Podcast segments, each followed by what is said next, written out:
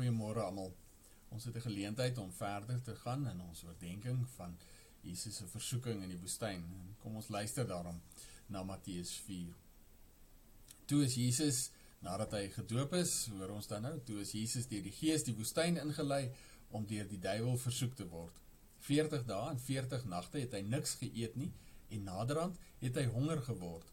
Die versoeker het toe gekom en vir hom gesê as u die seun van God is, sê hierdie klippe moet brood word. Maar hy antwoord: Daar staan geskrywe: 'n Mens leef nie net van brood nie, maar van elke woord wat uit die mond van God kom.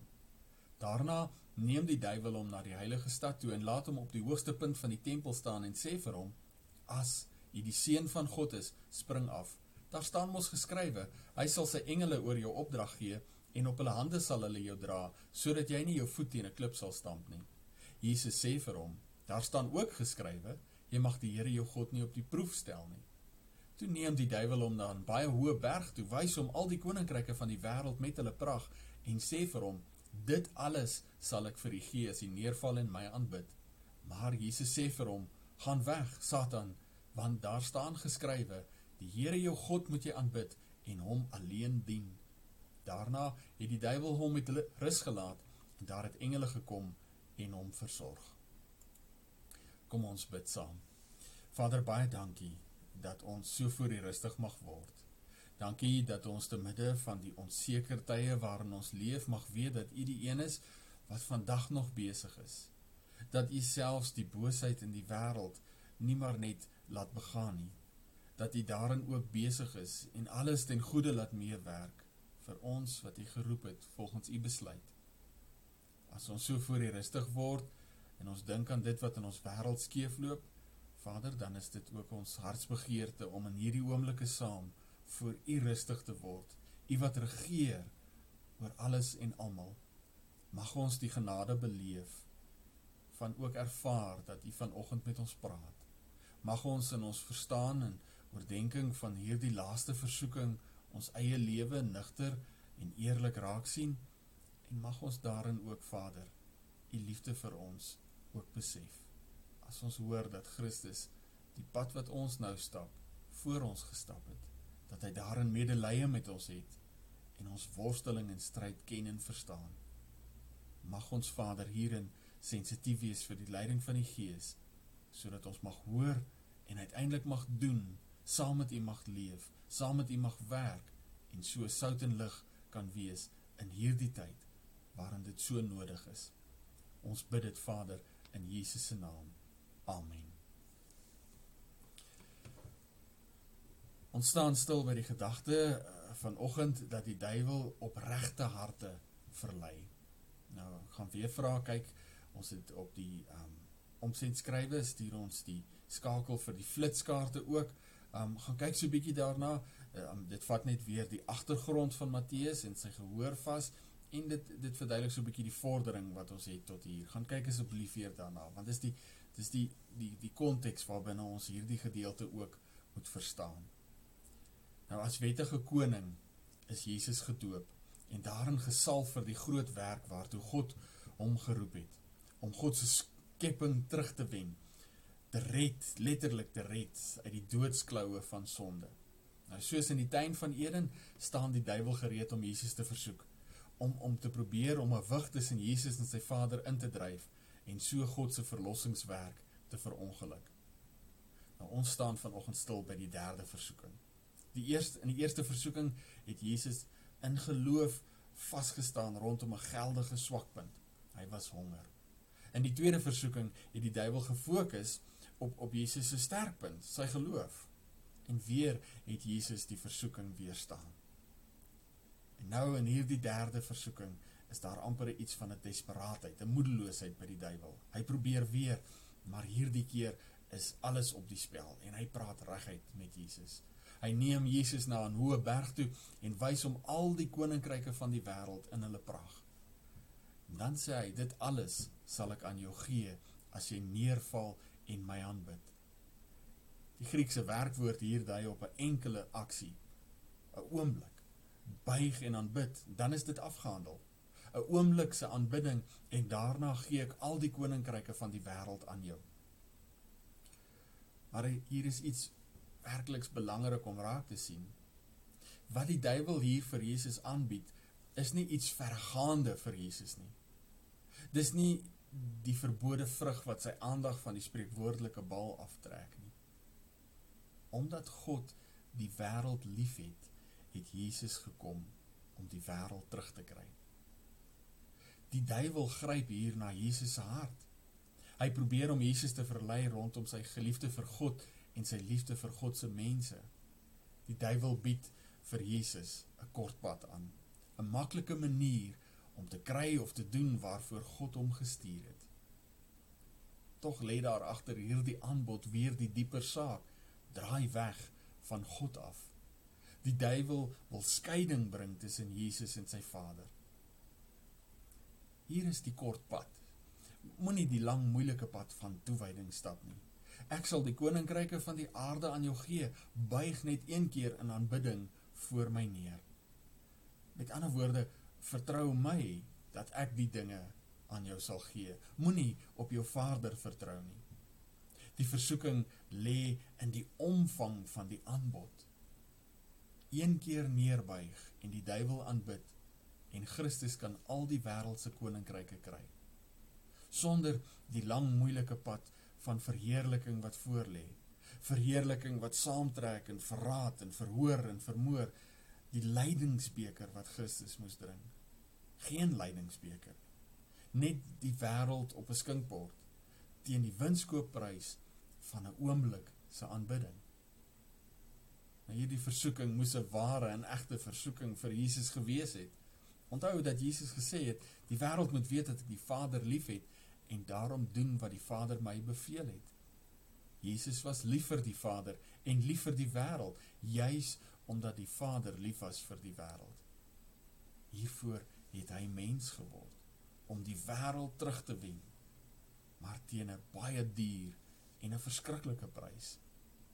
In 1 Petrus hoor ons: "Julle weet tog dat julle nie met verganklike middele so silwer of goud losgekoop is uit julle oorgeerfde sinnelose bestaan nie. Inteendeel, julle is losgekoop met die kosbare bloed van Christus, die lam wat vlekkeloos en sonder liggaamsgebrek is." In Openbaring 5 hoor ons: U is waardig om die boek te neem en die seels daarvan oop te maak, omdat u geslag is en met die bloed mense vir God losgekoop het uit elke stam en taal en volk en nasie. Jesus moes langs hierdie weg instaan vir die mense sonde. En later pleit Jesus en vra dat indien dit kan, die lydensbeker eerder by hom moet verbygaan. Tog bid hy nie sy wil nie, maar sy Vader se wil moet geskied. En daarin die kern van Jesus se antwoord aan die duiwel: Die Here alleen is God en ons moet hom alleen aanbid en dien. Nou hierdie versoeking van die verduiwel vertroebel die lyn tussen God en die werk wat hy vir ons gee om te doen. Hierdie versoeking misbruik ons liefde vir God en ons verstaan van ons roeping. Die kernsaak is om van ons werk 'n afgod te maak. En soms met baie goeie motivering, selfs al is dit die Here het mos gesê. Dis nie net ons werk nie. Dis al die dinge wat ons uiteindelik in die naam van die Here belangriker ag as God self. En ons is nie uniek daarin nie. Daarom toets die Here. Hy het vir Abraham so getoets.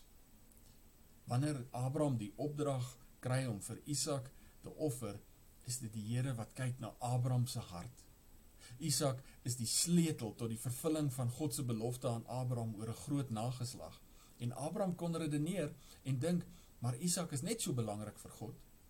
Sonder Isak is daar geen toekoms nie. Maar Abraham het hierin vertrou dat die Here beter weet. En daarom wanneer Isak vra oor die offer, antwoord Abraham: "Die Here sal voorsien." En wanneer hy gehoorsaam doen, stop die Here hom en sê: "Los jou seun. Moenie iets aan hom doen nie. Nou weet ek jy dat jy my dien. Jy het nie geweier om jou seun, jou enigste seun, aan my te offer nie." Dit wat ons van die Here af ontvang en vir hom moet doen, kan uiteindelik vir ons 'n vangstrik word. Veral vir ons, ons wat worstel met die stryd tussen die ou en die nuwe mens, waar die ou mens alles doen om homself te beskerm. Daarom hoor ons ook baie keer wat die Here sê. Ons verstaan wat hy wil hê ons moet doen, maar omdat ons nie bereid is om die prys van volle oorgawe te betaal nie, begin ons om sekere dinge in die naam van die Here in die plek van die Here te plaas. Dit is belangrik om te hoor. Ons begin om sekere dinge in die naam van die Here in die plek van die Here te plaas. Daardie dinge word vir ons belangriker.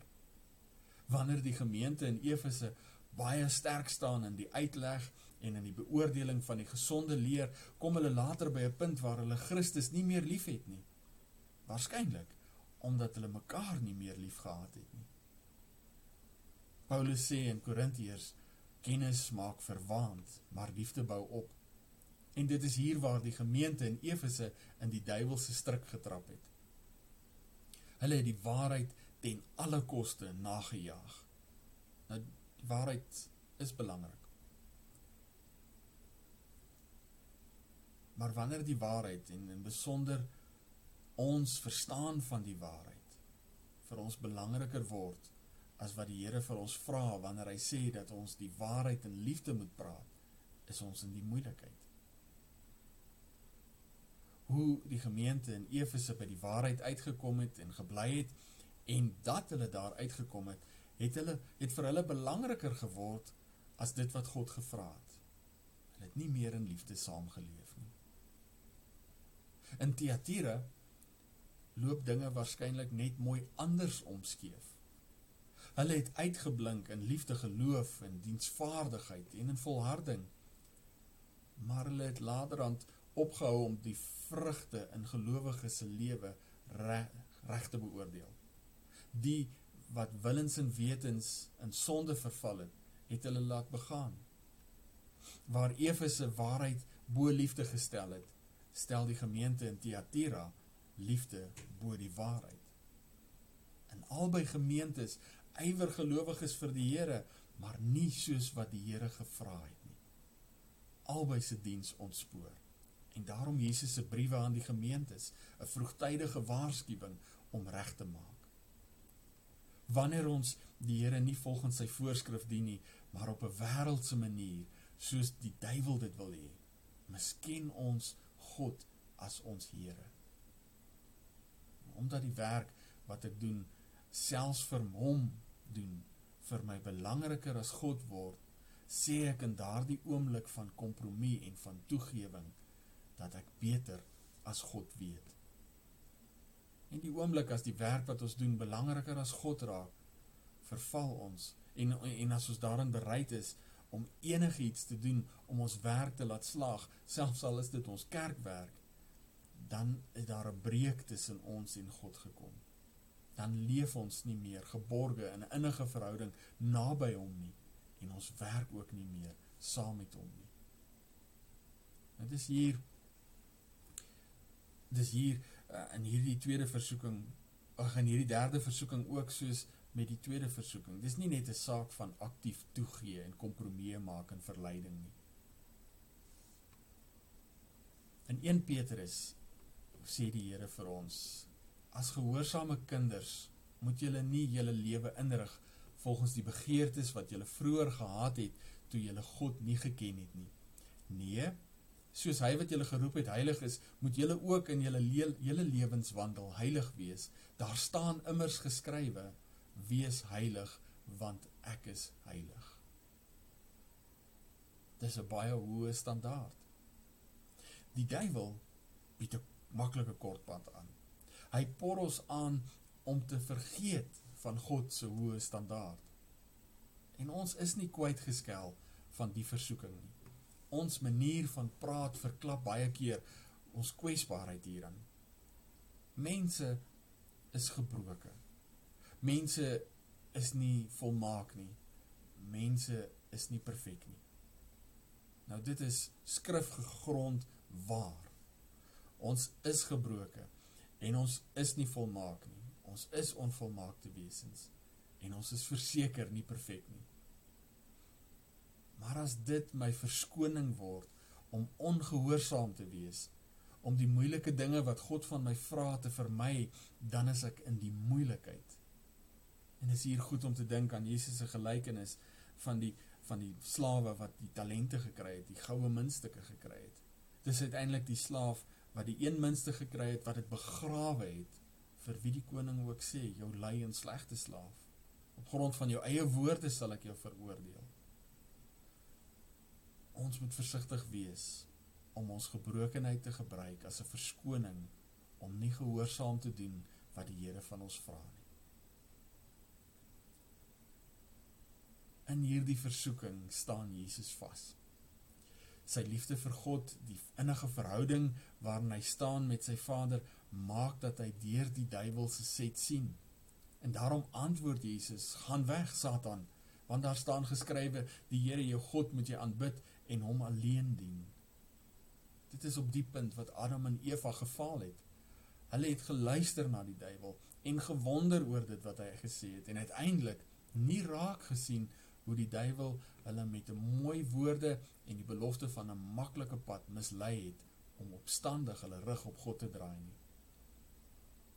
Maar Jesus staan vas en die duiwel vlug. Die duiwel het Jesus verlaat omdat Jesus vasgestaan het. En daarom sê Jakobus vir ons, staan die duiwel teë en hy sal van julle af wegvlug. Die duiwel het egter nie opgegee nie. Was nie een keer versoek en afgehandel nie. Lukas sê dat die duiwel Jesus gelos het daar in die woestyn tot 'n latere tyd, 'n meer geleë tyd. Hierdie selfde versoekingswoorde van die duiwel ekho weer met Jesus se kruisiging. As die mense spot en sê as jy die seun van God is red jouself en kom van die kruis af. Tot in daardie laaste oomblikke tot by daardie dieptepunt van sy stryd en worsteling die duiwel was die duiwel op sy pos besig om te probeer om 'n wig tussen Christus en sy Vader in te dryf. Besig om te probeer stikkend breek wat God doen die vraag is uiteindelik hoe kan die Here hierdie boosheid toelaat?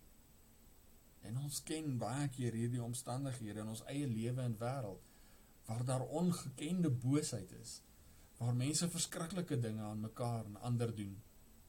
Die vraag is, hoekom laat die Here dit toe? En hierin word ons herinner aan Josef. Josef wat deur sy broers verkoop word en uiteindelik die tweede in bevel in Egipte word. En wanneer die verhaal in Genesis ontknoop en sy broers skrik as hulle besef dit is Josef wat wat tweede in bevel van Egipte is, dan sê Josef vir hulle: "Julle wou my kwaad aandoen, maar God wou daarmee goed doen. Hy het gesorg dat 'n groot volk nou in die lewe gebly het." Josef het getrou gehoorsaam aan die Here gebly te midde van die moeilike omstandighede en die Here het dit ten goeie laat meewerk soos ons in Romeine 8 hoor hy doen. Die Here is nie verleë oor die boosheid van die duiwel of ander mense nie. Hy gee krag na kruis of dit in beproewing of versoeking is. In die omstandighede staan hy by. Hy gee uitkoms en hy werk mee tot ons beswil. Jesus het ook getrou gehoorsaam gebly en die Here het sy offer ten goeie laat meewerk tot redding van baie. So na alles, na die wildernis, na die lang vas en die beproewing van versoeking, kom die engele en versorg vir Jesus. Hulle kom dan want dit was sy Vader wat hom getoets het. En Jesus het vasgestaan in geloof en vertroue en sy Vader op wie hy sy vertroue gestel het, het voorsien. Hierin die praktiese toepassing van Jesus se opdrag 'n bietjie later in Matteus 6 wanneer hy sê berywer julle allereers vir die koninkryk van God en dit wat nodig is sal hy vir julle gee. Vir die eerste gelowiges en vir ons is hierdie gedeelte baie belangrik. sien want ons het Christus as Here en verlosser aangeneem. Hy is ook ons wettige koning. Ons is deur God geroep tot 'n besondere diens, Daarom die Here toets ook ons harte deur moeilike omstandighede en versoeking heen. Beproewing en versoeking wat hy toelaat, is daarom nooit goedkoop nie. En dit is hoekom Jakobus in Jakobus 1 vir ons sê, my broers, julle moet bly wees wanneer allerlei beproewings oor julle kom, want soos julle weet, as julle geloof die toets deurstaan het, stel dit julle in staat om te volhard. En die volharding moet einduit volgehou word, sodat julle tot volle geestelike rypheid kan kom sonder sonder enige tekortkoming. En net 'n entjie verder in, in vers 12 sê hy: Gelukkig is die mens wat in versoeking standvastig bly. As hy die toets deurstaan het, sal hy as oorwinningsprys die lewe ontvang wat die Here beloof het aan die wat hom liefhet. Die Here toets tot ons beswil en daarin word ons ook voorberei op die pad, die moeilike pad wat voorlê, net soos wat Jesus voorberei is. Tog is dit baie belangrik om te onthou dat die toets eg is. 'n Mens slyp nie 'n mes op watte nie. Goud word nie in 'n goue koue oond gesuiwer nie, maar in 'n vuurrooi smeltkroes. Die duiwel versoek vandag soos toe elke gelowige en alles is op die spel. Petrus sê hy loop rond soos 'n brullende leeu op soek na mense om te verslind. En juis hierin is daar vir ons groot troos.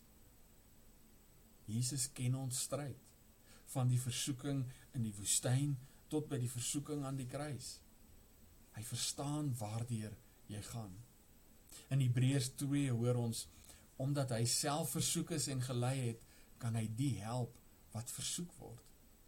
In Hebreërs 4 hoor ons die hoë priester wat ons het, is nie een wat geen medelee met ons swakhede ken nie. Hy was immers in elke opsig net soos ons aan versoeking onderwerp, maar hy het nie gesondig nie. Hy het nie gesondig nie. Hy het getrou gebly in sy toewyding aan God. Nou ons mag dalk hier onmiddellik dink, maar Jesus was daarom God ook. En dit is so, hy was God, maar sy, na sy mensheid was hy volkome mens. En daarom het hy medelee met ons swakheid en beproewing en versoeking. Daarom kan hy medelee met ons hê. En aan die ander kant sê die Here ook vir ons in 1 Korintiërs 10 dat ons nooit bo ons kragte versoek sal word nie. As die versoeking kom, sal hy ook uitkoms gee. Nou wanneer ons hieroor praat, dan bedoel ons nie ons gaan perfek raak nie. Dis nie die punt nie. Jy gaan misluk. Jy gaan partykeer te vroeg opgee. Jy gaan nie altyd ten bloede toe weerstand bied in die versoekings wat oor jou pad kom nie. En daarin sal jy weet en besef hoe nodig jy Christus en sy versoeningsoffer nodig het. Tog mag die werklikheid van ons gebrokenheid nooit ons skuiwergat word nie. Dit mag nie my verskoning word om te maak soos wat ek wil nie. Vir die eerste hoorders en ons is daar in hierdie gedeelte 'n belangrike waarskuwing en ook troos opgesluit. Wees wakker en nugter want God gaan jou toets. En hierin gaan die duiwel op sy pos wees. Hy gaan sy bes doen om 'n wig tussen jou en God in te dryf in daardie moeilike oomblikke van toets, van wonder oor hoekom die dinge gebeur, van wonder oor jou eie gebrokenheid en jou eie swakheid en die stikkend en seer van die wêreld, gaan die duiwel reg staan om 'n wig tussen jou en God te probeer indryf. Hy gaan niks ontsien nie, nie jou swakpunte nie, nie jou sterkpunte nie, ook nie jou liefde vir God en jou verstaan van jou roeping nie. Hy gaan selfs die skrif aanhaal in 'n poging om jou te kry om teen God te kies, om teen God te werk, om jou rug op die Here te draai. Wees daarom verstandelik wakker en nigter. Moenie net in die werk voor jou vaskyk nie. Lewe ook naby die Here. Moenie net die moenie maak dat die werk wat God vir jou gee, die dinge wat hy vir jou gee om jou werk te doen, vir jou so belangrik word dat jy uiteindelik die Here misken nie. Lewe naby hom vir die eerste gelowiges het hulle verliefde, hulle liefde vir God wat sigbaar geword het in toewyding aan die wet aan die een kant of in die uitreik na die heidene aan die ander kant gedreig om die gemeenskap te verskeur, om die onderlinge liefde te verniel. En hierin die oproep om te onthou dat die Here belangriker is. Volg daarom vir Christus, die een wat God gestuur het, die wettige koning en God se nuwe begin in hierdie stikkende wêreld. Hierin moet ook ons verstandelik wakker en nigter wees.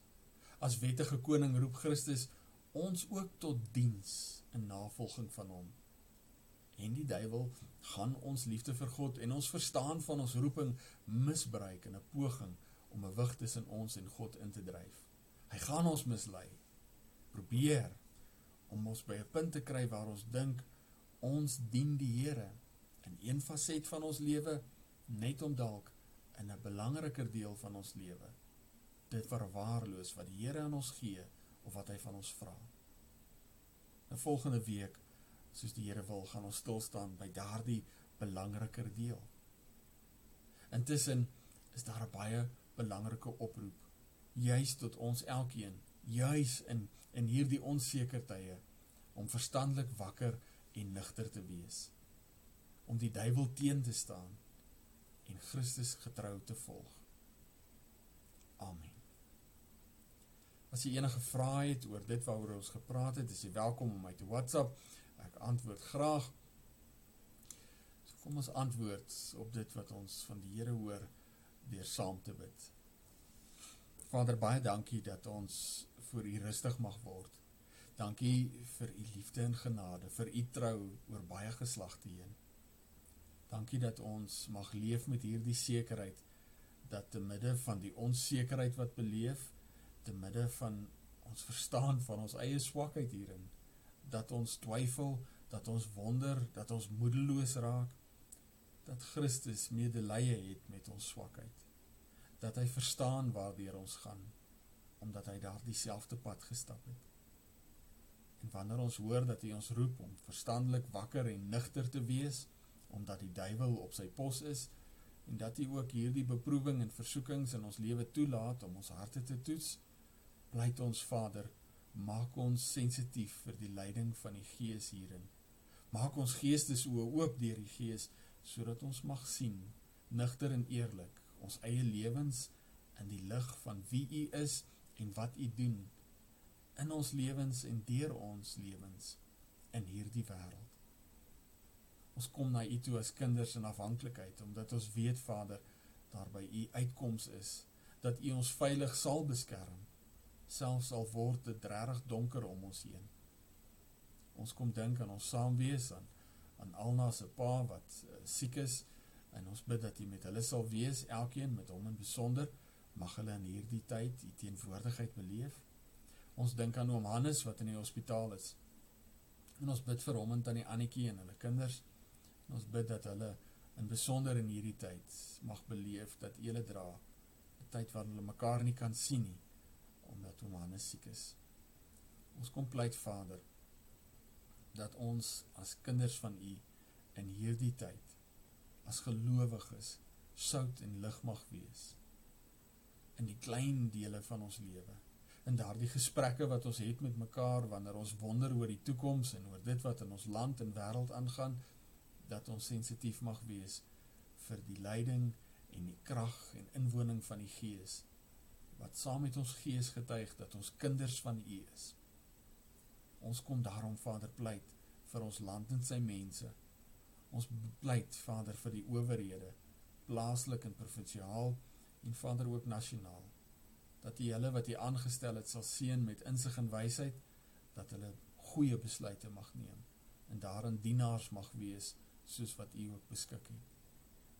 Ons kom bid vir die kerk in ons land en ons pleit Vader wil U ons in hierdie tyd aan die hart gryp.